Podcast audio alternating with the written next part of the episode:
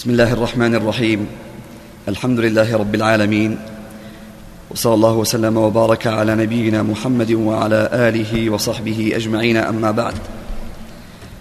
قال المصنف رحمه الله تعالى وله عن عمرو بن عوف رضي الله عنه أن النبي صلى الله عليه وسلم بعث أبا عبيدة إلى البحرين فأتى بجزيتها وكان رسول الله صلى الله عليه وسلم صالح أهل البحرين وأمر عليهم العلاء بن الحضرمي فقدم أبو عبيدة بمال من البحرين فسمعت الأنصار بقدوم أبي عبيدة فوافوا صلاة الفجر مع رسول الله صلى الله عليه وسلم. فلما صلى رسول الله صلى الله عليه وسلم انصرف فتعرضوا له فتبسم رسول الله صلى الله عليه وسلم حين رآهم. ثم قال أظنكم سمعتم أبا عبيدة قدم بشيء من البحرين. قالوا أجل يا رسول الله. قال فأبشروا. قال فأبشروا وأملوا ما يسركم. فوالله ما الفقر أخشى عليكم ولكن أخشى عليكم أن تبسط عليكم الدنيا كما بسطت على من كان قبلكم فتنافسوا فيها كما تنافسوها. فتهلككم كما أهلكتهم. وفي رواية فتلهيكم كما ألهتهم. بسم الله الرحمن الرحيم. الحمد لله والصلاة والسلام على رسول الله وعلى آله وصحبه وبعد. هذا الحديث فيه ذكر شيء من الفتن وهي فتنة الدنيا. فتنة بسط الدنيا على الناس. قد أرسل النبي صلى الله عليه وسلم أبا عبيدة عامر بن الجراح رضي الله تعالى عنه إلى البحرين. بعدما صالح أهلها على الجزية. والجزية هي مقدار من المال يدفعه الكتاب للمسلمين على أن يتركوه ويكفوا عنه القتال.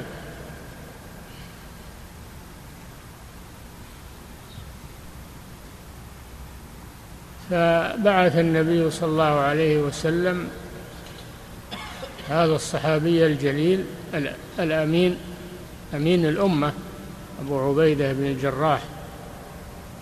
بعثه ليأتي بهذا المال الذي يدفعونه إلى المسلمين بموجب الصلح. وأمر عليها العلاء بن الحضرمي رضي الله عنه. والبحرين مراد بها الأحساء. جهة الأحساء. هذا كان في الأول سمى البحرين. أما الآن فصار اسم البحرين خاصا بمملكة البحرين بداخل البحر.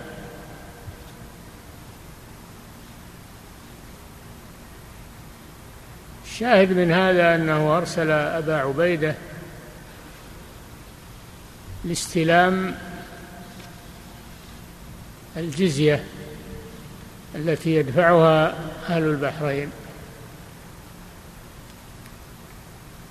استلمها رضي الله عنه وجاء بها.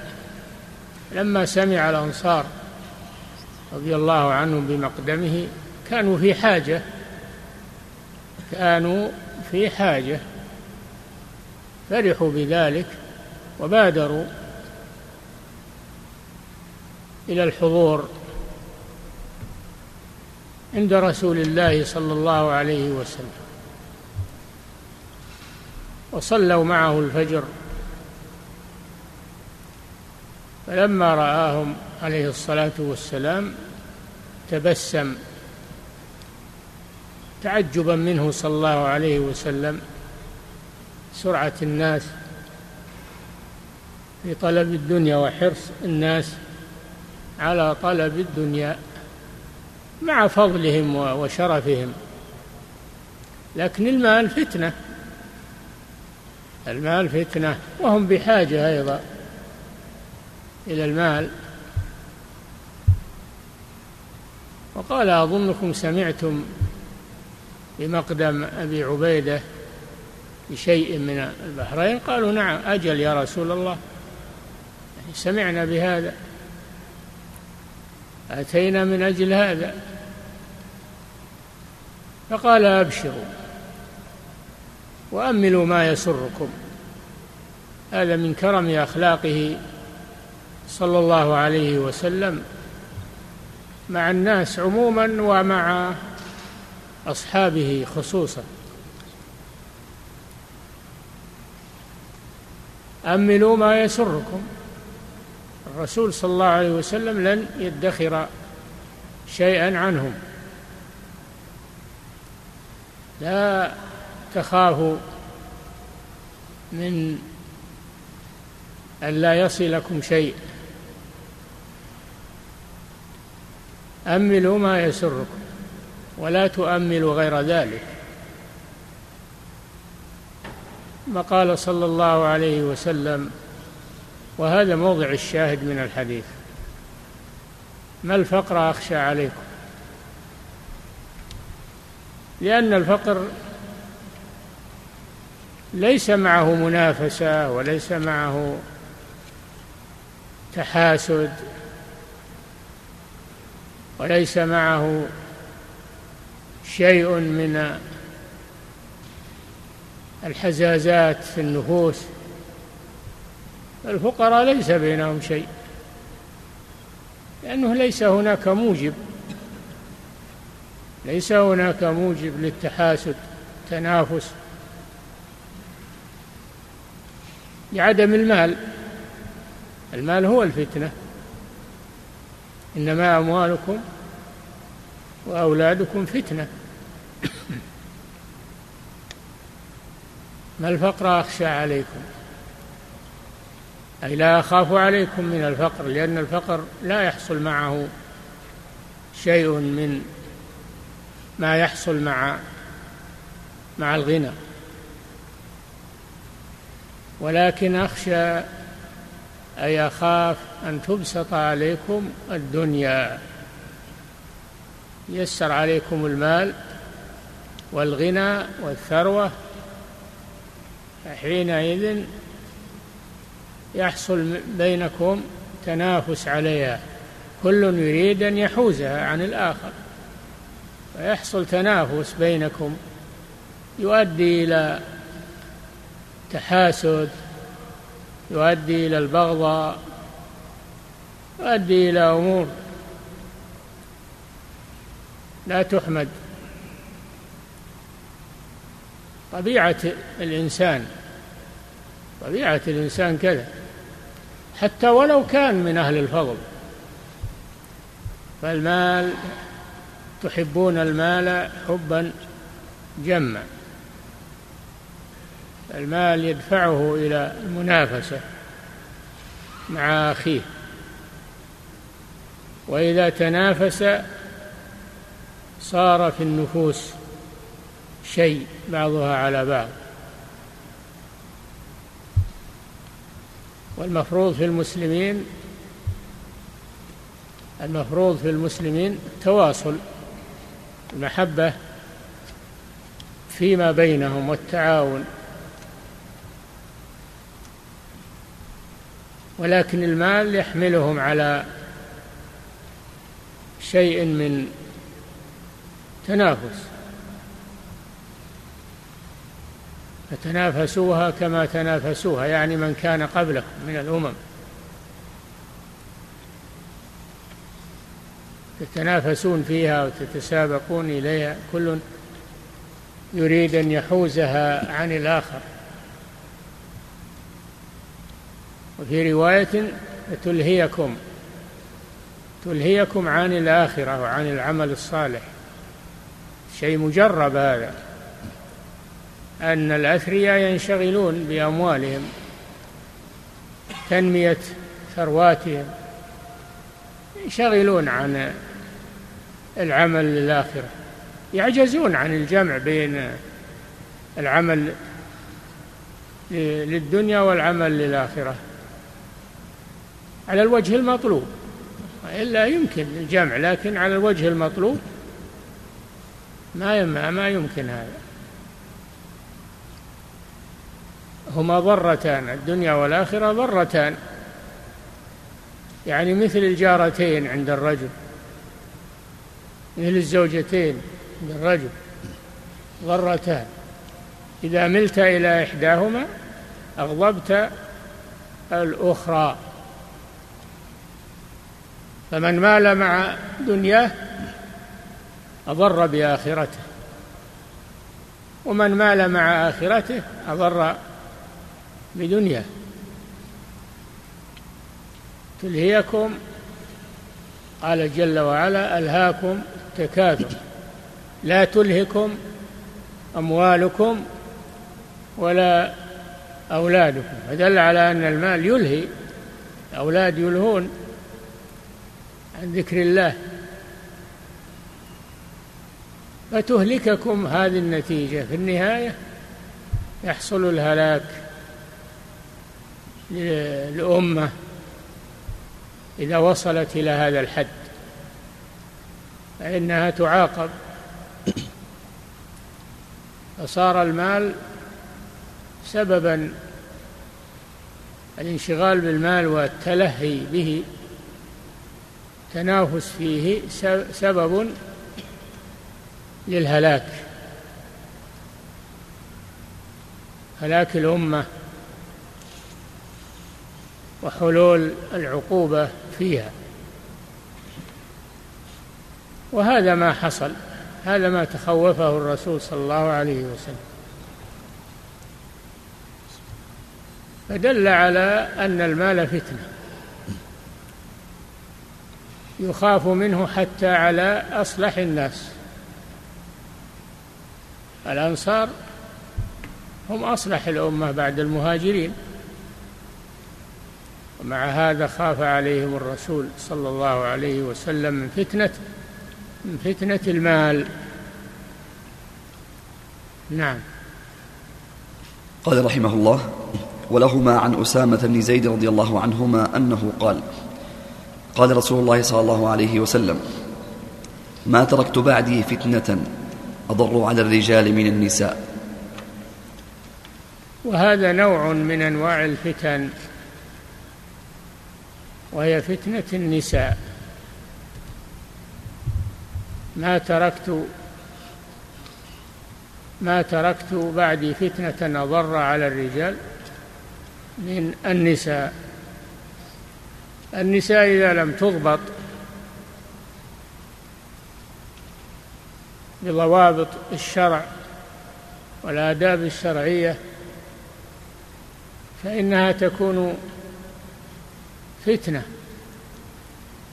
تفتن الرجال بجمالها بزينتها بتبرجها بسفورها بكلامها اختلاطها بالرجال. فلا بد تضبط النساء. لا بد أولا يكون عند النساء إيمان. يجيزهن من هذه الأمور. ولا بد أيضا أن يكون هناك من يضبطها من أوليائها زوجها وأوليائها فتضبط المرأة وإلا فإنها تكون سببا في هلاك الأمة. لأن المرأة فتنة وهي أضر على الرجال. من غيرها. فتنة الشهوة. فالمرأة لا بد أن تضبط وتلتزم بالآداب الشرعية التي فيها حفظها حفظ عفتها وحفظ كرامتها وإلا إذا تركت بدون رقابة فإن المرأة ضعيفة والشيطان حريص عليها يؤزها وتريد أن تكون أحسن من غيرها وتريد أن تكون محط أنظار الرجال وأن يمدحوها وأن يتعلقوا بها. هذا من طبيعة المرأة. فهذا فيه التحذير من فتنة النساء إذا لم تضبط فإنها تكون سببا لهلاك المجتمع.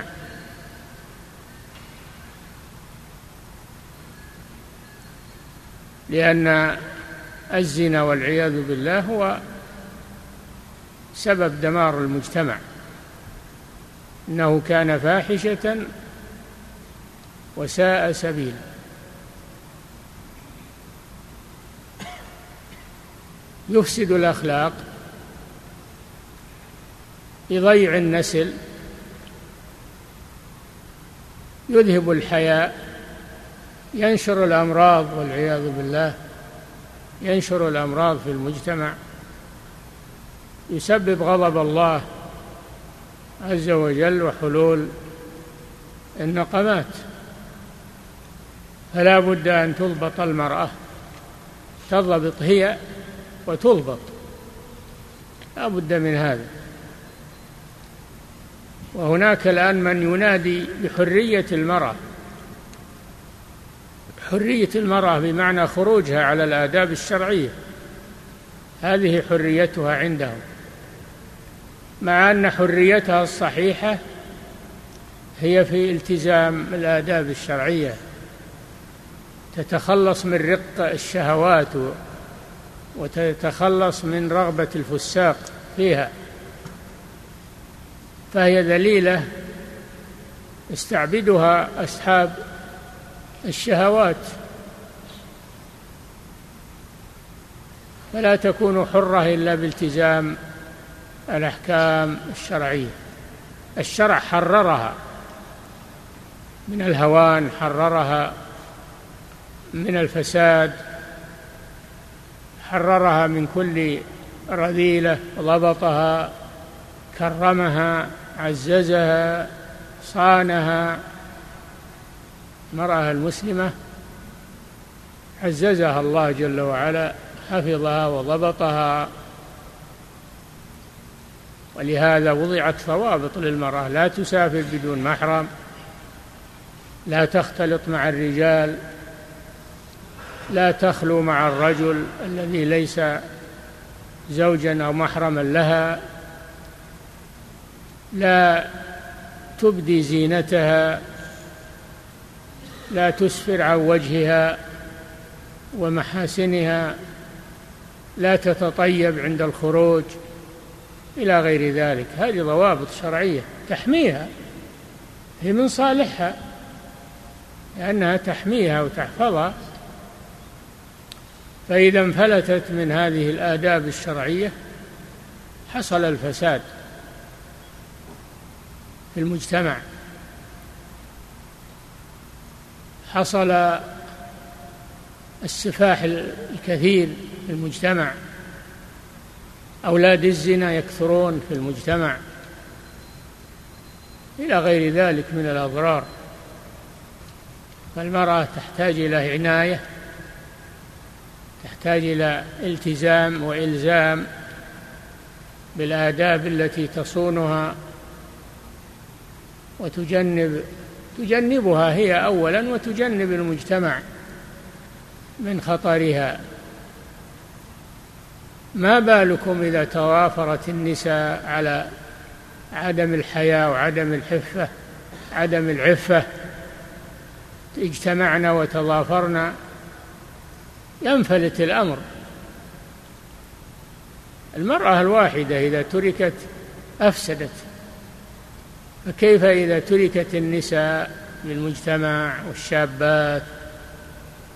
إذا تركنا بدون ضوابط ويفعلن ما يملي عليهن شيطانهن من التزين والتصنع والتبرج والاختلاط بالرجال جلوس بجانب الرجل كأنها رجل مثله في الحفلات في اللقاءات في التعليم في العمل.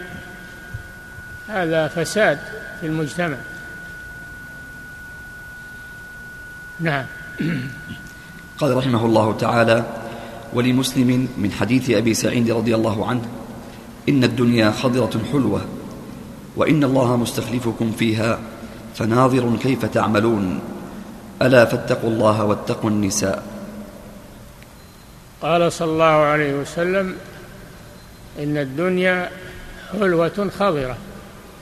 هذه أيضا فتنة من أنواع الفتن فتنة الدنيا. الدنيا بما فيها من الزينة بما فيها من الأموال بما فيها من الجاه. فتنة خطر على الدين. حلوة حلوة المذاق. خضرة حلوة في طعمها وخضرة في لونها. فهي تجلب الإنسان في طعمها حلاوتها تجذبه في منظرها وخضرتها تجذب الإنسان. هذا سبب الفتنة. هذا سبب الفتنة. وإن الله مستخلفكم فيها. خطاب هذا للمسلمين. إن الله مستخلفكم. الاستخلاف أن يجعلكم بعد قوم مضوا. لأن البقاء لله عز وجل كل من عليها فان فيذهب جيل ويأتي جيل. ما هنا أحد يستمر في هذه الحياة. إنما يأخذ من الحياة ما قدر له من العمر فقط. وتذهب الاجيال ويأتي بعدها أجيال إلى أن تقوم الساعة. تنتهي الدنيا. هو الذي جعلكم خلائف الأرض. يخلف بعضكم بعضا. الرسول صلى الله عليه وسلم يخاطب هذه الأمة. يقول إن الله مستخلفكم فيها بعد من كان قبلكم. فناظر ما تعملون. الله جل وعلا رقيب عليكم. يعطيكم الدنيا وينظر ماذا تعملون فيها. ينظر ماذا تتصرفون. لستم مهملين ولا مراقبين. بل الله جل وعلا هو الذي ينظر إليكم ويرقبكم في تصرفاتكم مع الدنيا. هل تنساقون معها وتقدمونها على الآخرة؟ أو أنكم تأخذون منها ما يكفيكم وتنصرفون إلى الآخرة تحسنون التصرف في هذه الدنيا. لا يطلب من الإنسان أنه يترك الدنيا لا. لكن يأخذ منها بقدر حاجته قدر ما يحتاج لنفقته لحاجته قدر ما يحتاج لتصدقه وإحسانه. المال خير. إذا أحسن الإنسان فيه خير وعون على طاعة الله عز وجل. ولكن قل من يحسن تصرف فيه. ناظر ما تعملون. هل تحسنون بتصرفكم في هذه الدنيا؟ تأخذونها من حلال؟ وتنفقونها في حلال أم العكس؟ تأخذونها من كسب حرام من ربا من رشوة من خديعة من سرقة غش قمار إلى غير ذلك. أو تأخذونها بتجارة بتجارة مباحة عن تراض منكم. وعن عقود شرعية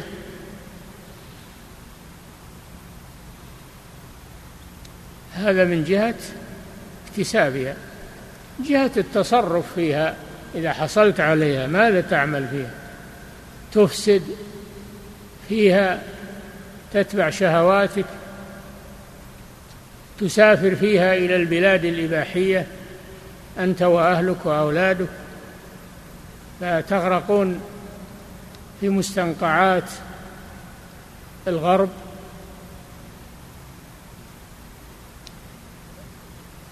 تتكبر فيها على الناس. تمنع الزكاة. تمنع النفقة الواجبة عليك. انفاقك ما نوعيته. انظر في انفاقك.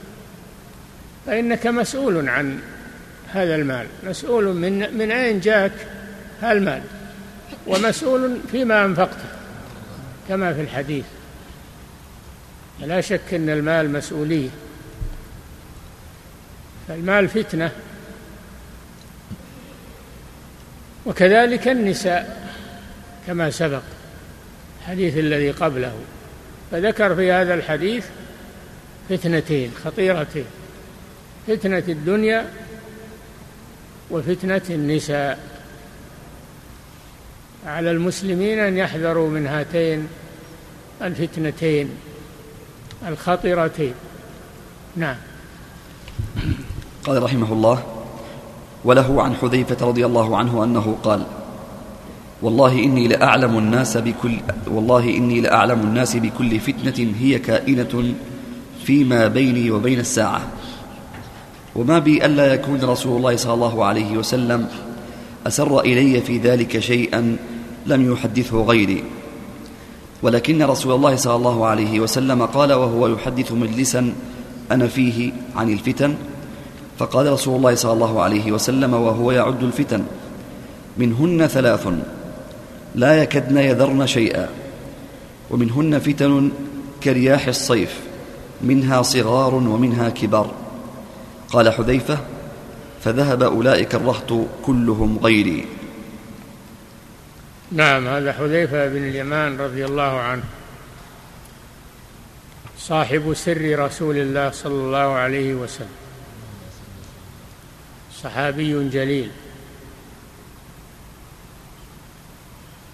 يقول عن الفتن لأنه كان أحرص الناس على السؤال عن الفتن خوفا منها. خوفا من الفتن. يقول كان الناس يسألون النبي صلى الله عليه وسلم عن الخير وكنت أسأله عن الشر مخافة أن يدركني.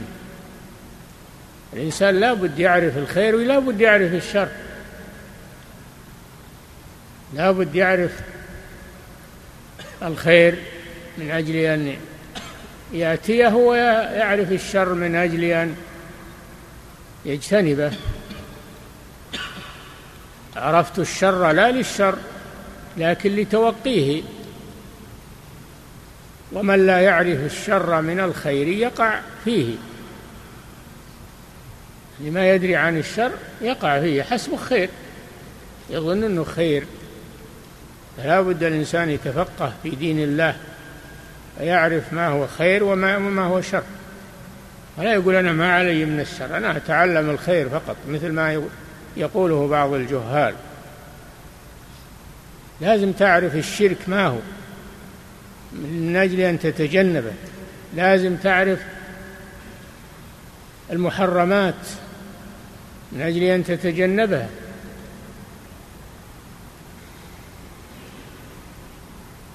بعد معرفة الخير من أجل أن تفعله.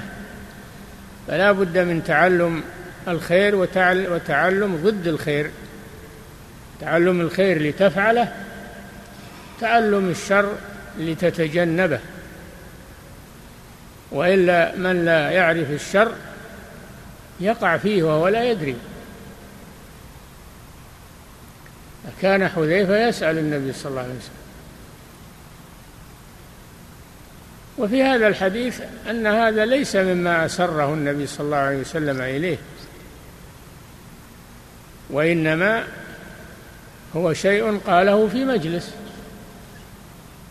أخبر عن الفتن وأخبر عن تفاوتها وأن بعضها أشد من بعض. بعضها يمر سريعا وبعضها يتأخر في الناس ويؤثر فيهم. ويضر بالناس الفتن تتفاوت بعضها أشد من من بعض.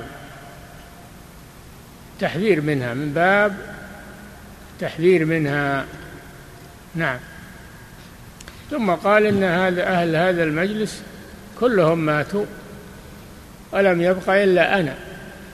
ولذلك هو الذي حدث عن هذا المجلس دون غيره. لأنه لم يبقى ممن حضره غيره. وهو كان رضي الله عنه لا يكتم العلم كان يبين للناس.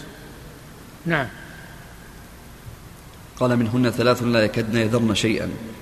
لا يذرن شيئا يعني ثلاث من من الفتن لا يذرن شيئا يعني لا يتركن شيئا من الشر ومن الفتنة ومنهن فتن سريعة لا تؤثر كثيرا. نعم. منهن فتن كرياح الصيف منها صغار ومنها كبار. ها؟ ومنها فتن كرياح الصيف منها صغار ومنها كبار. منها صغار فتن صغار خفيفة ومنها فتن كبار. ثقيلة لكنها سريعة. تمر تنتهي لكن في فتن ما تنتهي. نعم. قال حذيفة فذهب أولئك الرهط كلهم غيري. الذين حضروا في المجلس. نعم. قال رحمه الله وهذا فيه فضل نشر العلم وعدم كتمان العلم. نعم. قال رحمه الله وله عنه أنه قال أخبرني رسول الله صلى الله عليه وسلم بما هو كائن إلى أن تقوم الساعة. فما منه شيء إلا وقد سألته إلا أني لم أسأله ما يخرج أهل المدينة من المدينة. نعم حذيفة له خاصية مع الرسول صلى الله عليه وسلم أولا لأنه كان أمين سره أمين سر الرسول صلى الله عليه وسلم وثانيا لأن حذيفة كان حريصا على السؤال يسأل الرسول صلى الله عليه وسلم عن الفتن. فكان من أكثر الناس معرفة بالفتن. كان من أكثر الناس معرفة بالفتن. وإلا واحدة لم يسأل الرسول عنها وهي لأنه كان يسأل الرسول يكثر السؤال. إلا واحدة وهي ما سبب خروجهم من المدينة لأنه أخبر صلى الله عليه وسلم أنهم سيخرجون من المدينة ويسكنون غيرها. مع أن المدينة من أفضل البقاع بعد مكة فهي دار الهجرة وهي أيضا فيها المسجد النبوي الصلاة فيه خير من ألف صلاة. بما سواه دعا لها النبي صلى الله عليه وسلم حرمها كما حرم إبراهيم مكة. لها فضائل المدينة لها فضائل. فينبغي سكناها بما فيها من الخير لكن يخرج الناس منها. قد خرجوا منها واستوطنوا بالأمصار في الشام في مصر في العراق في المشرق. خرجوا أحد خرج للمال والتجارة وأحد خرج للجهاد أحد خرج للعلم. خرجوا منها والنبي صلى الله عليه وسلم يقول المدينة خير لهم لو كانوا يعلمون. فهو لم يسأل عن السبب. في خروجهم نعم. قال رحمه الله يكفي والله تعالى. أحسن الله إليكم. هذا سائل يقول ما الحكمة من تخصيص النبي صلى الله عليه وسلم بقوله ويل للعرب؟ نعم. وأنذر عشيرتك الأقربين. هو الإنذار هذا لكل المسلمين لكن خص منهم العرب لأنهم قومه وعشيرته. نعم. وهذا سائل يقول ما ضابط الفتنة بالمال وكيف تقدر الفتن في الأمور الدنيوية؟ الفتنة في المال الاختبار. الفتنة هي الاختبار. فيختبر الإنسان في ماله. هل يحسن التصرف فيه؟ ويكون خيرا له أو يسيء التصرف فيه ويكون شرا له. هذا وجه أن المال فتنة. المال في نفسه خير لكن تصرف الإنسان فيه هو محل النظر. وإلا فالمال أصله خير. فإنه لحب الخير لشديد يعني المال. أن ترك خيرا يعني مالا. المال خير في ذاته لكن تصرف الإنسان فيه هو محل النظر يحسن أو لا يحسن فيه. الغالب أن أكثر الناس لا يحسنون فيه يكون المال ضررا عليهم. نعم. أحسن الله إليكم. وهذا سائل يقول ما رأيكم في من يتعلم السحر؟ ويقول إن تعلمه من أجل توقي الشر من باب عرفت الشر لا للشر لكن لتوقيه. لا يجوز تعلم السحر كفر تعلمه وتعليمه كفر. وهذا في القرآن. يعلمون الناس ولكن قال سبحانه وتعالى وما كفر سليمان. هم يتهمون سليمان بالسحر عليه السلام. الله نفى هذا عنه. ما قال وما سحر سليمان قال ما كفر. عبر عن السحر بأنه كفر. السحر كفر تعلمه وتعليمه. ولكن الشياطين كفروا يعلمون الناس السحر. فدل على أن تعليم السحر كفر. وتعلمه إنما نحن فتنة فلا تكفر. الملكان يقولان للذي يأتيهم يتعلم السحر ينصحانه ويقولان له إنما نحن فتنة فلا تكفر. يعني لا تتعلم السحر. عبر عن تعلم السحر بالكفر. دل على أن تعلمه وتعليمه كفر والعياذ بالله. وهذا يقول لا تعلمه خير من باب عرفت الشر. لا الله جل وعلا قال هذا كفر فلا تقرب السحر لا تعلما ولا ولا تعليما لأنك إذا تعلمته اعتقدته ودخلت فيه واستعملته تكفر في ذلك. نعم. أحسن الله إليكم. وهذا سائل يقول ما حكم الفتنة بين الناس؟ إيه؟ ما حكم الفتنة بين الناس؟ كيف الفتنة بين الناس؟ ما وضح شيء. النميمة نعم ها؟ النميمة ربما. ها؟ ربما يقصد النميمة. ما قال كذا هو. لا يعني قصده إن الفتنة بين الناس اللي يوقع الفتنة ما حكم الذي يوقع الفتنة بين الناس؟ بالنميمة بالوشاية بأنواع من الشر. هذا الذي يوقع الفتنة بين الناس هذا والعياذ بالله فتان شرير. والواجب على المسلم العكس أن يصلح بين الناس أن يدعو إلى الله أن يأمر بالمعروف ينهى عن المنكر. هذا واجب المسلم. لا أن يكون مفسدا بين الناس يحرش بينهم ينم بينهم يحرض بعضهم على بعض يوقد الفتنة بينهم. هذا طريق الشيطان شياطين الإنس والجن. لا يسبب تنفير الناس. بعض الناس بعض الدعاة ينفر الناس شدد عليهم.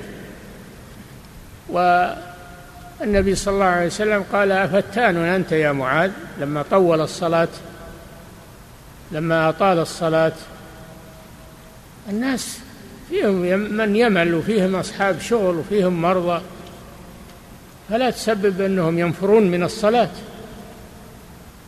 هذه فتنة. فالمسلم يراعي هذه الأمور. نعم. أحسن الله إليكم. وهذا سائل يقول هناك من يقول إن النبي صلى الله عليه وسلم إذا نزل عليه الوحي يخرج عن إطار البشرية فهل هذا كلام صحيح؟ كلام باطل ولا يجوز أن يقال في الرسول صلى الله عليه وسلم ما فيه رائحة ذم يخرج عن إطار البشرية يعني وش يكون؟ يكون مجنون يكون أي على أي حال يكون. إذا خرج عن البشرية ماذا يكون؟ هو بشر صلى الله عليه وسلم. لا يخرج عن البشرية. إنما يشق عليه الوحي نعم يشق عليه نزول الوحي. يشق عليه. إنا سنلقي عليك قولا ثقيلا. يشق عليه ذلك تلقي الوحي. أما أنه يخرج عن طور البشرية هذا كلام باطل. تنقص للرسول صلى الله عليه وسلم. نعم.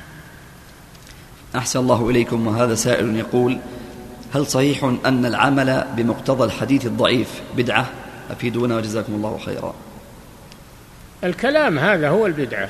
كلام هذا هو الكلام جاهل. الأحاديث الضعيفة ليست على حد سواء. ليست على حد سواء. قد يكون له توابع شواهد يرتفع من الضعف إلى الحسن لغيره. ولا كل يتكلم في علم الحديث وهو جاهل ما يدري مقتصر على المطالعة؟ لا لازم يتلقى علم الحديث عن المحدثين عن أهل العلم. أما يطالع في الكتب ويطلع محدث وهو ما يدري عن شيء هذا كلام لا يجوز. الحديث الضعيف ذكر العلماء أنه يعمل به في التخويف والترغيب والترهيب ولكن لا يبنى عليه حكم من واجب أو محرم أو ما يبنى عليه حكم لكن استعمل في الترغيب والترهيب والوعظ والتذكير لا بأس بذلك بشرط ألا يكون ضعفه شديدا شرط ألا يكون ضعفه شديدا. ولا يقول قال رسول الله بل يقول روي عن رسول الله ورد عن رسول الله كذا يأتي بصيغة تضعيف. روي. ورد عن رسول الله وما أشبه ذلك. لا يقول قال رسول الله. إن هذا جزم. لا بد من هذه الضوابط. أولا أن لا يكون الحديث شديد الضعف. ثانيا أن لا ينسبه إلى الرسول صلى الله عليه وسلم. على سبيل الجزم. ثالثا ألا يبني عليه حكم من إيجاب أو تحريم وإنما يستعمل في الوعظ والتذكير والتخويف والترغيب في الأعمال الصالحة. نعم. أحسن الله إليكم وهذا سائل يقول من قال لأخيه يا كافر رجع إليه الكفر؟ ها؟ من قال لأخيه يا كافر؟ فإنه يرجع إليه هذا الكفر. حتى لو لو ما قال لو ما هو بابوه لو قال لأي مسلم يا كافر وهو ليس كذلك رجع عليه كلامه والعياذ بالله. أو قال يا خبيث أو لعنك الله أو ما أشبه ذلك. إذا لم يكن مستحقا لهذا فإن هذه الكلمة لا تذهب وإنما ترجع عليه يرجع عليه إثمها. خطرها. نعم. أحسن الله إليكم. يقول في سواء قالها لأبيه أو لغيره لكن إذا قالها لأبيه فالأمر أشد لأن هذا فيه عقوق للوالد. الله جل وعلا قال فلا تنهرهما وقل لهما قولا كريما. نعم. أحسن الله إليكم. يقول في سؤاله فهل هذا كفر أكبر أم أصغر؟ هذا وعيد. ما هو معنى يكفر أنه يخرج من الملة لكن عليه وعيد شديد. نعم. وهذا سائل يقول ما المقصود بالفتنة في قوله الفتنة أشد من القتل؟ فتنة عن الدين. الفتنة عن الدين يعني صرف الإنسان عن دينه أشد من قتله.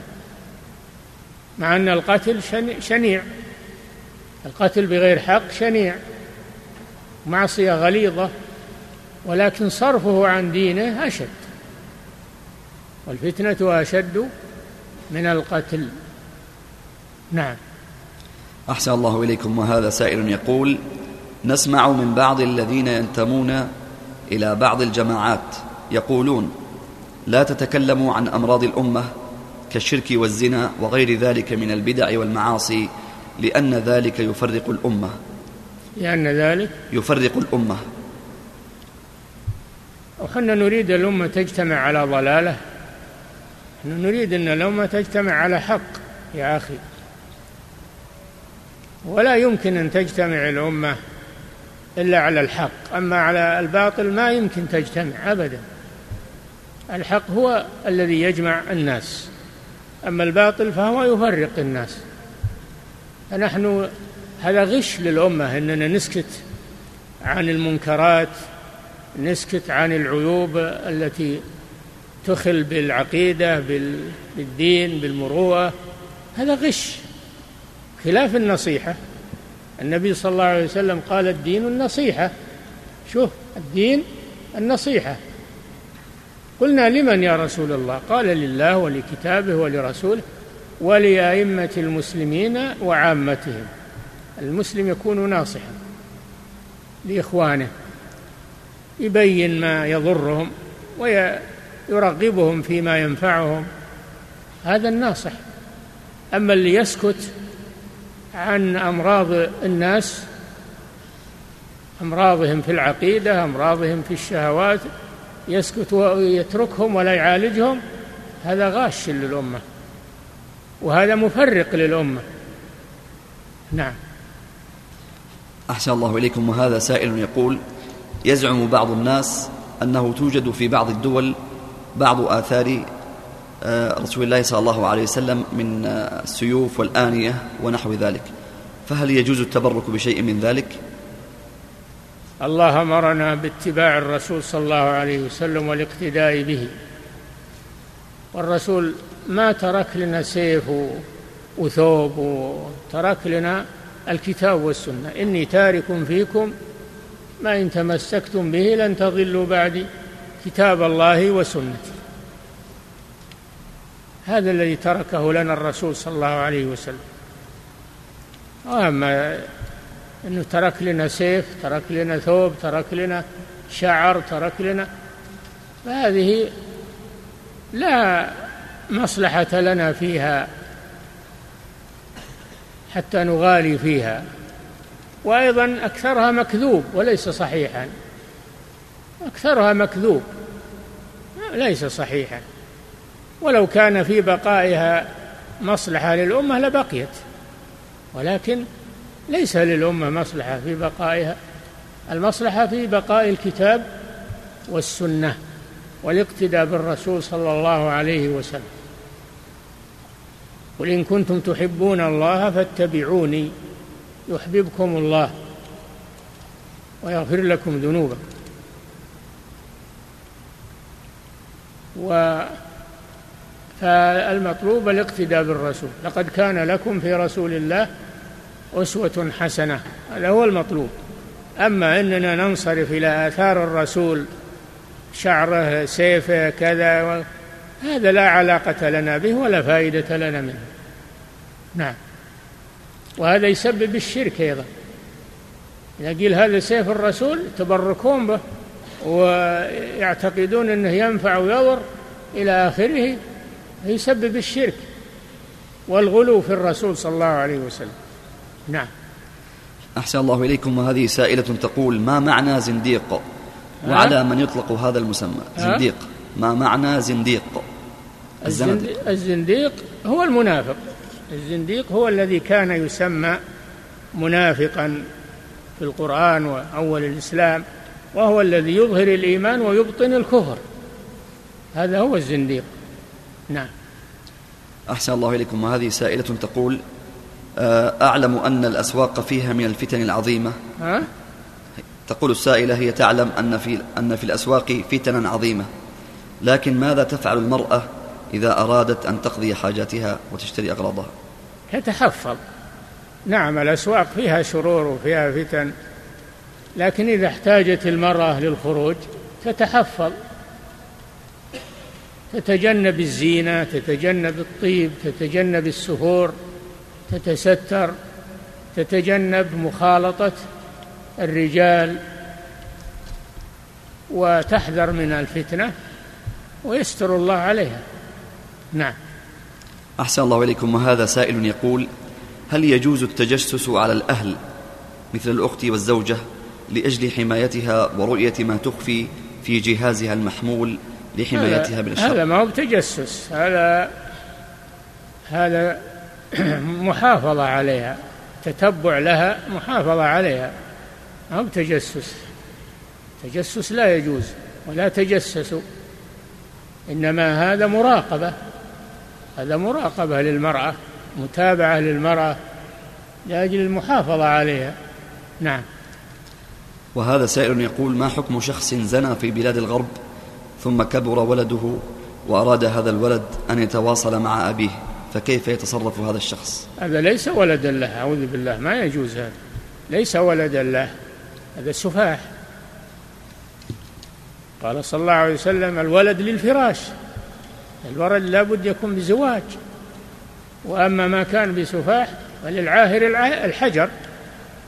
فلا ينسب ولد الزنا لا ينسب إلى أحد إلا إلى أمه. ولد الزنا ينسب إلى أمه فقط ولا ينسب إلى أب. نعم. أحسن الله إليكم وهذا سائل يقول هناك رجل يصنع الخمر ويشربه ولم يتب عن فعله. أه؟ هناك رجل يصنع الخمر ويشربه وهو لم يتب عن فعله. وهو؟ لم يتب عن فعله. أيه؟ فهل يصح للإنسان أن يطلق كريمته منه؟ وما حكم هذا الرجل إذا كان مع فعله هذا يصلي أو لا يصلي؟ والله هذا يحتاج إلى مراجعة للمحكمة. إذا أثبت عليه هذا يحتاج إلى إثبات. إذا أثبت عليه هذا وطالبت بفصل كريمتك منه هذا راجع للقاضي. نعم. أحسن الله إليكم وهذا سائل يقول رجل يقوم بالسعي في بناء المساجد فيحصل على مال قد يزيد على بناء المسجد فيصرفه في مسجد آخر كشراء فرش وغيره. هل يجوز هذا مع أن الواقف أعطاه لمسجد معلوم؟ إذا أخذ التبرع لبناء مسجد وبقي شيء يرجعه على المتبرع أو يستأذنه بأن يصرفه في مسجد آخر يأخذ إذن صاحب المال ولا يتصرف فيه, فيه من عنده لا يراجع صاحب المال يما يرده عليه وإلا يستأذنه في أن يصرفه في مسجد آخر. نعم. يقول في سؤاله وتارة يبقى قليل من المال فهل يجوز له أخذه مقابل أجرته؟ لا ما يأخذ شيء لنفسه هو وكيل ما يأخذ شيء لنفسه إلا إذا أعطاه صاحب المال. إذا أعطاه صاحب المال وقال هذا عن تعبك هذا أجرة لك ما يخالف. نعم. ويقول وهل يجوز له أن يقرض الناس من هذا المال لحاجة ولا الناس؟ يجوز له يقرض الناس من هذا المال هذا أمانة عنده. يصرف فيما عين له. ولا يقرض منه أحد ولا يأخذ شيء لنفسه. نعم ولا يقترض له هو لنفسه ما يأخذ شيء منه. هذا أمانة ينفله. نعم. أحسن الله إليكم. وهذا سائل يقول ما حكم السفر إلى بلاد الكفار لغرض الدراسة؟ وما الحكم إذا كان السفر للسياحة؟ السفر للسياحة لا يجوز إلى بلاد الكفار لا يجوز السفر للسياحة. السياحة فيها شر. ولكن السفر للتعلم إذا كان تعلما نافعا له وللأمة تخصص ما يوجد إلا هناك فلا مانع مع مع الالتزام بالدين مع التزامه بدينه. نعم. وهذه سائلة تقول هل يجوز للمرأة أن تؤدي العمرة مع أختها وزوج أختها؟ فيكون زوج أختها محرما لها؟ ليس محرما لها ولا يجوز لها أن تسافر معه. ولو كانت أختها معه رفيقة لهما ما هو محرم لها ولا يجوز لها أن تسافر إلا مع ذي محرم. كما في الحديث لا يحل لامرأة تؤمن بالله واليوم الآخر أن تسافر إلا ومعها ذو محرم. نعم. والمحرم المحرم هو من تحرم عليه بنسب كأخيها وعمها وخالها أو سبب مباح كالرضاعة والصهر كأبي زوجها أو ابن زوجها هذا محرم لها. الصهر نعم.